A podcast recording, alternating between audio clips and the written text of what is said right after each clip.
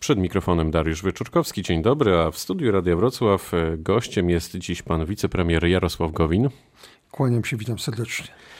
Jarosław e, Kaczyński, pan e, przewodniczący Prawa i Sprawiedliwości, pan prezes powiedział, że musimy bronić rodziny. Jej właśnie broni ksiądz arcybiskup Marek Jędraszewski. Jestem mu za to wdzięczny. Te słowa wypowiedział pan prezes wczoraj w niedzielę na pikniku rodzinnym Stalowej Woli. Powiedział też, że obronimy Polskę, ale obronimy ją wtedy, jeżeli podejmiemy 13 października odpowiednie decyzje. Przed czym będziemy bronić Polski?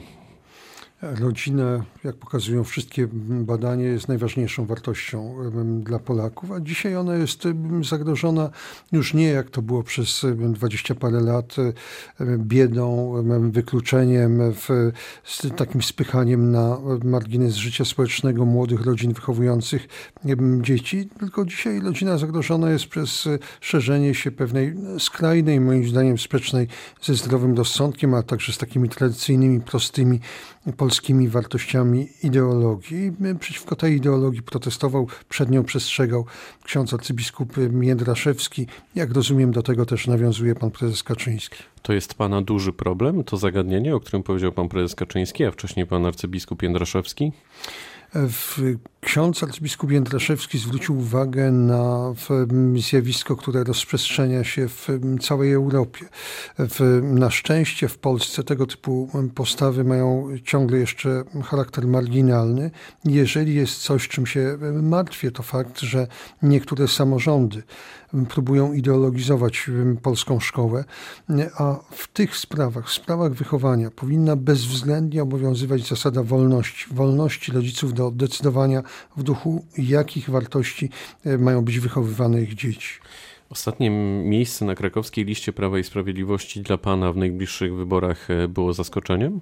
Nie było zaskoczeniem dla mnie najmniejszym, bo sam sobie to miejsce wybrałem, tak jak cztery lata temu zdecydowałem. Ja, ja uważam, że my politycy już z takimi mocno siwymi włosami, ja bym powinniśmy przygotowywać się do pewnej zmiany pokoleniowej, stąd e, na listach e, w wielu okręgach postawiliśmy jako liderów na osoby młode, młode, chociaż w przypadku listy krakowskiej bardzo doświadczone, mam na myśli znakomitą posłankę Małgorzatę Wasserman, a ja mm, postaram się udowodnić, tak jak 4 lata temu, że i z ostatniego miejsca można wejść do Sejmu.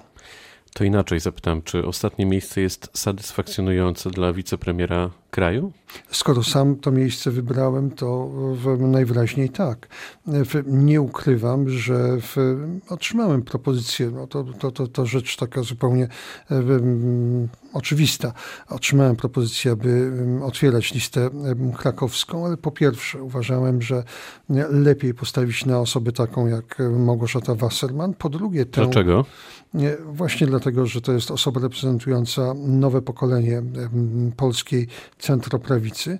Po drugie, zależało mi też na tym, żeby w tę w cudzysłowie moją jedynką podzielić się z moimi współpracownikami, mówiąc krótko, w, na listach Zjednoczonej Prawicy liderami reprezentującymi porozumienie są Jadwiga Emilewicz w Poznaniu i Wojciech Maksymowicz, wybitny neurochirurg w Olsztynie. W 2005 roku zdobył pan ponad 150 tysięcy głosów, dwa lata później 160 tysięcy, w 2011 62 tysiące, a w 2015 roku 43 tysiące głosów wyborców. Na ile głosów liczy pan teraz? No to 43 tysiące głosów z ostatniego miejsca to był wynik bardzo dobry, za który do dzisiaj jestem wdzięczny mieszkańcom Krakowa i okręgu podkrakowskiego.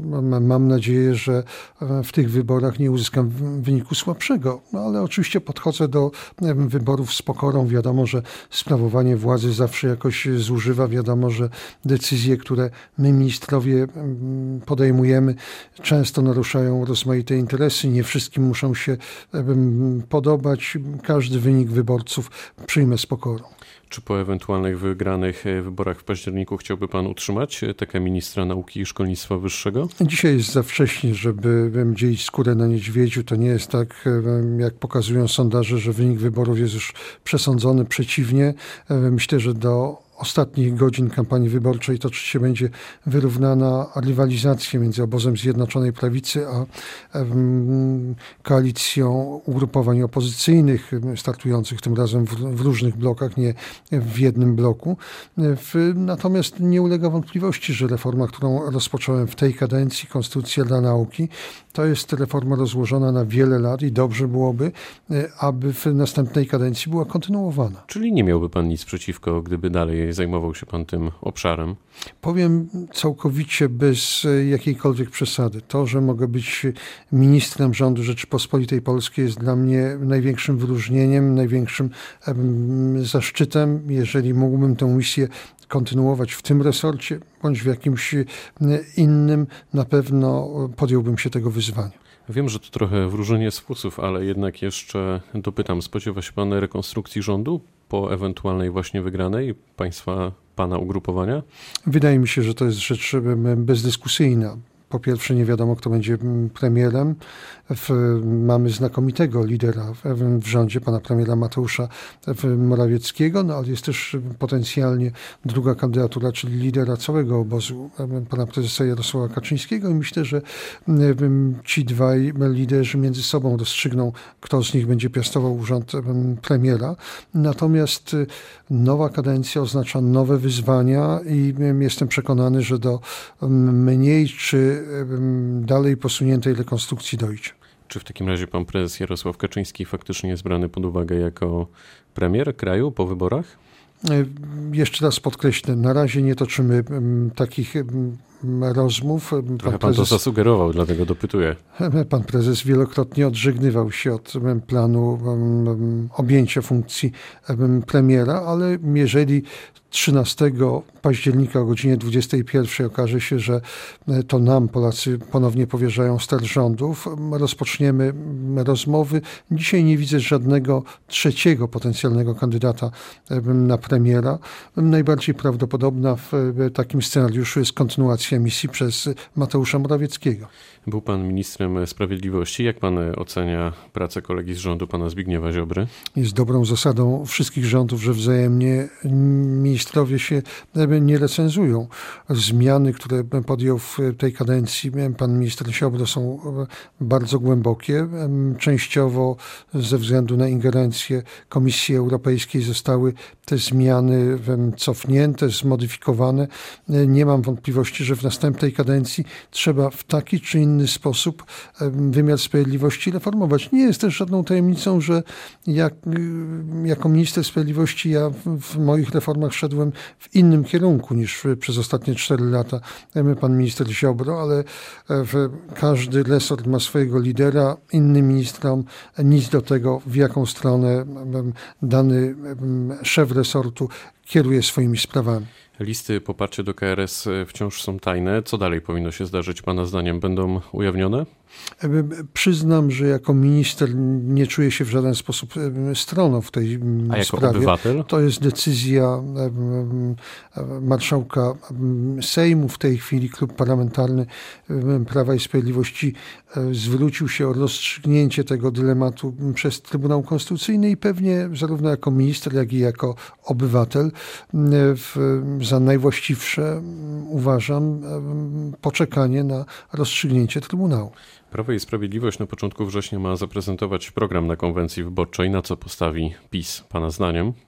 E, intensywnie nad tym programem mm, pracujemy. Tutaj zresztą kluczowa jest rola wspomnianych przeze mnie dwóch osób, pana prezesa Kaczyńskiego i pana premiera Morawieckiego za wcześnie, żeby uchylać rąbka tajemnicy. Mogę tylko przy, przywołać to, o czym mówiliśmy, bo także ja e, podczas e, konwencji programowej w Katowicach. Tam na wszystkie sposoby odmieniane było jedno słowo: rozwój, wzrost, wzrost gospodarczy, wzrost poziomu życia, wzrost zamożności Polaków. O ile ta kończąca się kadencja była poświęcona przede wszystkim e, wielkim programom społecznym na czele z programem Rodzina 500, to w następnych latach musimy przede wszystkim ładować akumulatory rozwoju gospodarczego. Nie zabraknie nam pieniędzy na te programy społeczne, na ich utrzymanie?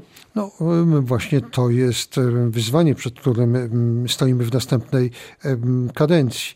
Jesteśmy zdeterminowani, żeby te programy miały charakter trwały, ale w takim razie tym bardziej musimy się zastanowić nad tym, co jeszcze zrobić, żeby polska gospodarka rozwijała się lepiej, żeby polscy przedsiębiorcy mieli poczucie, że państwo naprawdę ich e, wspiera, bo ten ostatni okres czterech lat był okresem spektakularnego sukcesu gospodarczego, ale nie możemy e, uważać, że prosperita i szybki, szybkie tempo rozwoju gospodarczego to jest coś danego nam raz na zawsze. Głównym zadaniem każdego rządu jest dbałość o to, żeby gospodarka się rozwijała, a owoce tego wzrostu, tego rozwoju były dzielone sprawiedliwie. Na wrzesień nauczyciele zapowiadają również e, powrót do strajku. To będzie duży problem dla rządu, jeśli faktycznie to by, do tego by doszło? Ja przede wszystkim bardzo liczę na to, że jednak zdecydowana większość, aby e, wszyscy nauczyciele w poczuciu odpowiedzialności za swoich uczniów e, wstrzymają się przed protestami. Chcę zresztą powiedzieć, że e, skala podwyżek w oświacie, chociaż nie jest tak wysoka, jak postulowały te nauczycielskie związki zawodowe, to jest imponująca i w, no, chociażby jeżeli porównać to z, ze wzrostem wynagrodzeń na uczelniach, to naprawdę wydaje mi się, że nauczyciele mogą mieć poczucie, że nasz rząd um, zrobił dla poprawy poziomu życia środowiska nauczycielskiego bardzo dużo. Loty marszałka Kuścińskiego, byłego już marszałka, były dużym e, problemem dla Prawa i Sprawiedliwości? No nie tylko dla Prawa i Sprawiedliwości, dla całego naszego obozu były problemem. Nie ukrywam, że były problemy. Był pan zaskoczony skalą? Nieco tak. Rozumiem, że ta skala wynika po części z ogromnej aktywności pana marszałka Kuchcińskiego. Pewne rzeczy wynikały z braku przepisów, dlatego regulujemy te przepisy, ale na pewno w rozmowie z wieloma także naszymi sympatykami. Miałem taki odsłuch społeczny, że jednak pewne praktyki, do których się dopuściliśmy, nie są przez Polaków i także przez zwolenników Zjednoczonej Prawicy akceptowane. Spędził pan w Platformie Obywatelskiej wiele lat. Grzegorz Schetyna poprowadzi PO do zwycięstwa, czy raczej jego czas i czas Platformy jest na dużym zakręcie, na wirażu. O tym rozstrzygną Polacy. Jeszcze raz podkreślam, że byłoby przejawem pychy i oderwania od rzeczywistości, gdybyśmy my, przedstawiciele obozu rządowego, już dzisiaj uważali, że mamy zwycięstwo w kieszeni. Jedno jest przesądzone. Najlepszy wynik uzyska Zjednoczona Prawica, ale czy, będzie, czy ten wynik pozwoli do samodzielnych rządów, e, to jest sprawa otwarta. Jeżeli chodzi o Grzegorza Schetynę, myślę, że niezależnie od wyników wyborów, on tak poustawiał sobie sobie wewnętrznie Platformę Obywatelską, że nic nie zagrozi jego władzy, nawet dotkliwa porażka.